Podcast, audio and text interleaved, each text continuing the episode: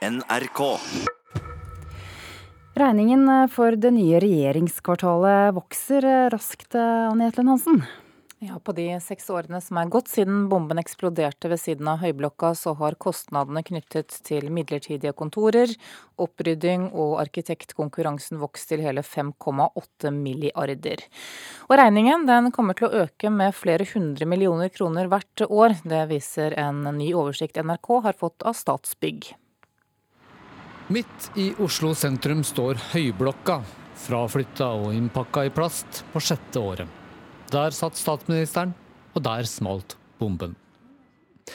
Seks år er gått nå, men hos Statsbygg jobber man for fullt. Altså, det er jo masse arbeid. Det er høringer, utredninger, det er rapporter, det er konkurranser. Og, så har det vært et stort oppryddingsarbeid tidligere sier Pål Veiby, som er kommunikasjonsleder for det nye regjeringskvartalet. Bare for å ta et eksempel altså fra oppryddinga etter terrorudåden.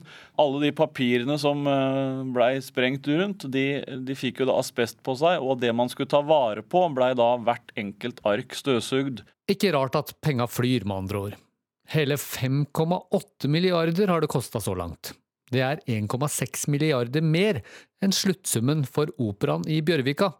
Og enda er vi bare på planleggingsstadiet. Og så er det også kostnader knyttet til økt husleie.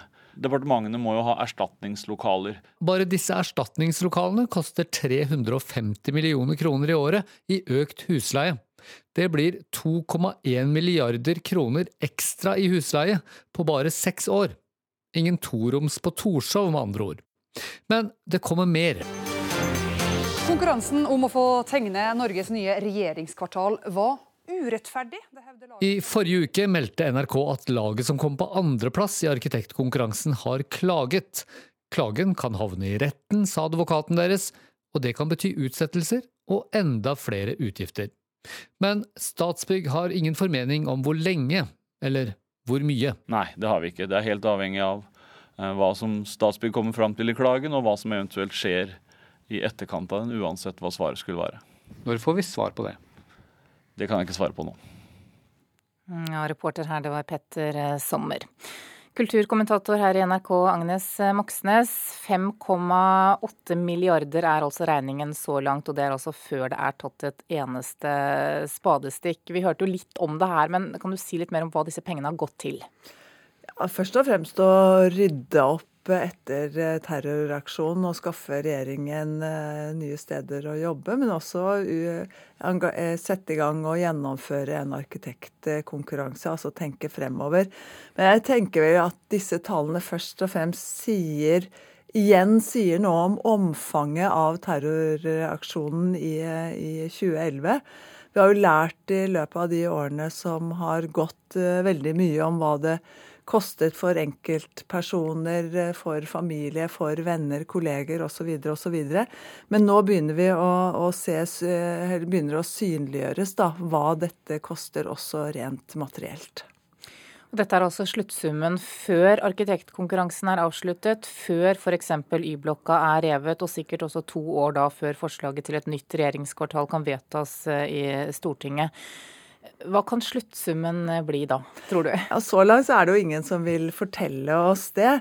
Eh, men når eh, summen av tilrettelegging av tomta, opprydding, sikring og husleie i seks år koster så mye som 5,8 milliarder kroner, så vil jeg tro at vi her muligens kommer opp i et tall som nærmer seg 20 milliarder kroner. Og så må vi huske at eh, det kommer til å gå flere år fortsatt før departementene er på plass i et nytt regjeringskvartal. Og i prinsippet så vet vi jo ikke engang hvordan et nytt regjeringskvartal blir seende ut. Eh, konkurransen er satt på vent. Rettssaker og erstatningssaker kan forlenge og fordyre hele denne prosessen. Men må det bli så dyrt? Altså I prinsippet så kunne de departementene som ble ødelagt etter 22.07 blitt rehabilitert og tatt i, i bruk igjen. Eh, og Det hadde vært både en enkel og, og, rimelig løsning, og antageligvis hadde vi nå hatt et, et fullt funksjonelt regjeringskvartal hvis man hadde gått for det. Men det var også ett sterkt eh, argument som trumfet eh, ned det synet på hva man skulle gjøre med regjeringskvartalet. Og det kom fra politiet og sikkerhetsmyndighetene. De mente at av sikkerhetshensyn så skulle alle departementene, minus ett, samles på ett sted. 5700 byråkrater midt i Oslo sentrum på et ganske lite kvartal. Eh, og det rådet fra sikkerhetsmyndighetene de ble lyttet til både av regjeringen Stoltenberg og også av regjeringen Solberg. Ok, Men det har vel ikke vært noen øredøvende jubel over disse forslagene som ble presentert etter arkitektkonkurransen? Nei, og jeg tror at grunnen til det er nok at hensynet til sikkerhet har trumfet både arkitekturen og hensynet til dem som bor og ferdes i Oslo. Eh, derfor er det heller ingen eh, jubel, og, det er dumt for noe som kommer til å bli så kostbart og også vesentlig. Takk skal du ha, kulturkommentator her i NRK, Agnes eh, Moxnes.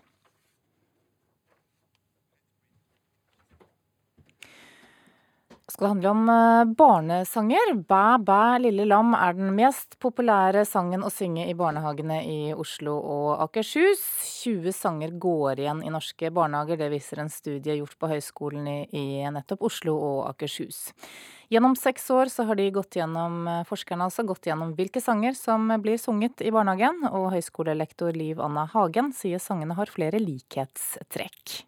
Vi har funnet ut at det synges utrolig mange forskjellige sanger rundt omkring i barnehagene våre i distriktet i Oslo og Akershus. Men så har vi funnet ut at det er en sangkanon, altså en, en kanon på 20 sanger som synges i svært mange barnehager.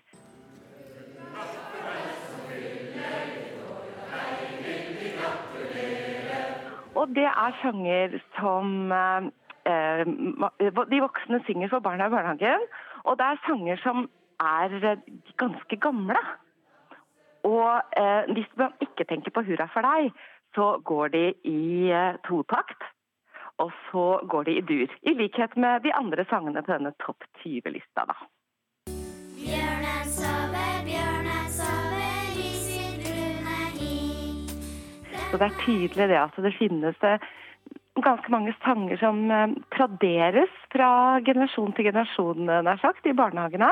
Og som lever et sånn trofast liv også. Så det er nok ikke så lett for hva skal jeg si, nye sanger og sånn, sånn innpass eh, i barnehagen. I hvert fall ikke over tid. da. De blir på en måte ikke værende der.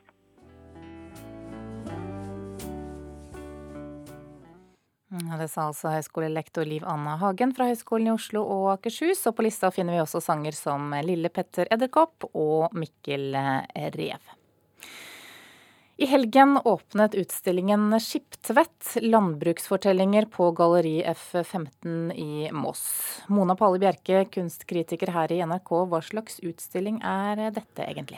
Ja, dette er en litt annerledes utstilling med en veldig atypisk tematikk. Landbruksfortellinger. Det er ikke det vi vanligvis forbinder med, med kunstutstillinger.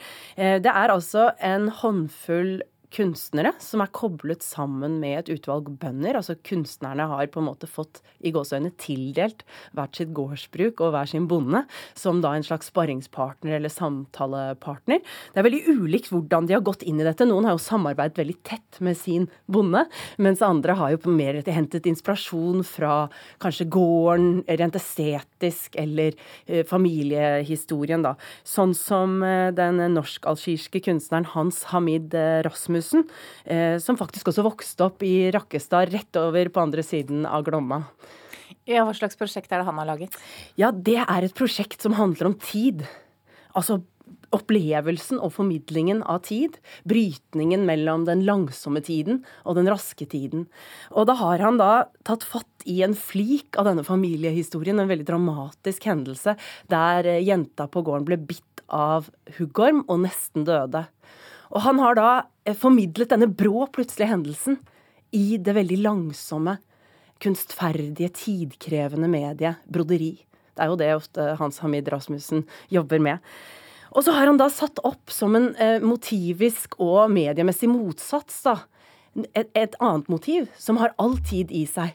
Eh, nemlig et eldgammelt tre, en 800 år gammel eik. Og den har han formidlet gjennom fotografiet, som vi forbinder med det hastige, det raske. Så her har, skaper han en sånn poetisk tidsbrytning da, i dette veldig spennende prosjektet. I tillegg så fikk han da med seg folket på gården til å rydde rundt denne store, eh, gamle eiken, eh, slik at den kom frem i lyset. Så det var en del av prosjektet. Ja, for Var det ikke slik at i ett tilfelle så ble bonden så begeistret at han ble kunstner for anledningen? Ja, Det var jo kjempemorsomt. Det var i Bodil Furus eh, prosjekt Gårdsarbeid. Hun har da skapt en film, og den er veldig karakteristisk for henne, selve filmen. Med hennes da litt sånn dokumentariske, eh, litt sånn også antropologiske skråblikk på fenomener. Men der hun alltid har også noen sånne maleriske lommer, og det ser vi veldig godt her hvor hun ser liksom det estetiske potensialet i alt fra melken som skummer i tanken, til kumøkka som eh, flommer ut i møkkakjelleren, og, eller bare en eh, rustrød dør mot en irrgrønn vegg. Disse tingene. Men det bonden har gjort, er at han da rundt denne filmen har skapt en installasjon og da har han f.eks. da hatt norgesglass med forskjellig type gjødsel, som gir da en duft eller eventuelt stank til dette rommet. Han har da Vi får sitte sitte på store jursåpekanner, ikke benker. Og på gulvet ligger det da en sånn stor rør som da fører møkka ned i møkkakjelleren. Så det er sånne miljømarkører som man da har skapt en installasjon uh, ut av. Og her sa jo uh, Bodil Furu at hun følte seg litt sånn rykket ut av sin egen kunstneriske komfortsone. Og du kan si at denne installasjonen i seg selv, isolert sett, som bonden har laget, den er jo mer kuriøs enn kanskje kunstnerisk så veldig interessant. Men det som er veldig kunstnerisk interessant her, det, det, er jo det samspillet som har oppstått. Og at en så perfeksjonistisk kunstner som Bodil Furu har på en måte våget å slippe noen inn og, og liksom skape noe innenfor rammen av hennes eget kunstverk. Og denne vitaliteten som denne bonden viser, da, ved at han kaster seg ut i det på denne måten, den, eh, den er jo veldig karakteristisk for han, forstår vi, fordi vi blir jo kjent med han gjennom eh, filmen også. Du, Vi må snakke litt om tittelen. Den heter altså 'Skiptvedt landbruksfortellinger'. Kort, hvordan vurderer du tittelen på, på utstillingen? Jeg synes det er en helt elendig tittel. Altså virkelig, Den forteller oss så lite. En tittel skal jo gi oss lyst til å gå på en utstilling. Den skal jo liksom gi oss et slags hint om hva det er vi vil møte. Eh, det er veldig lite vi får ut av denne tittelen. Men jeg tenker at det er veldig viktig at vi ikke lar en dårlig tittel stå i veien for en utstilling. For dette er en veldig annerledes og veldig interessant utstilling. Men det er jo et sånt prosjekt som kunne ha dødd litt på rot, fordi det er så styrt. Kuratorene har gitt kunstnerne en bonde. De har gitt dem en så eh, på en måte streng tematikk. Eh, men da har de nok også valgt kunstnere veldig nennsomt. Nettopp eh, kunstnere som de har skjønt at vil blomstre innenfor denne type veldig rigide rammer. Okay, men du vil anbefale oss å ta en tur? Det vil jeg absolutt gjøre. Enten det er med å dra med toget eller Bastefergen eller på sykkel eller buss eller hva det blir. Så ta turen til Moss.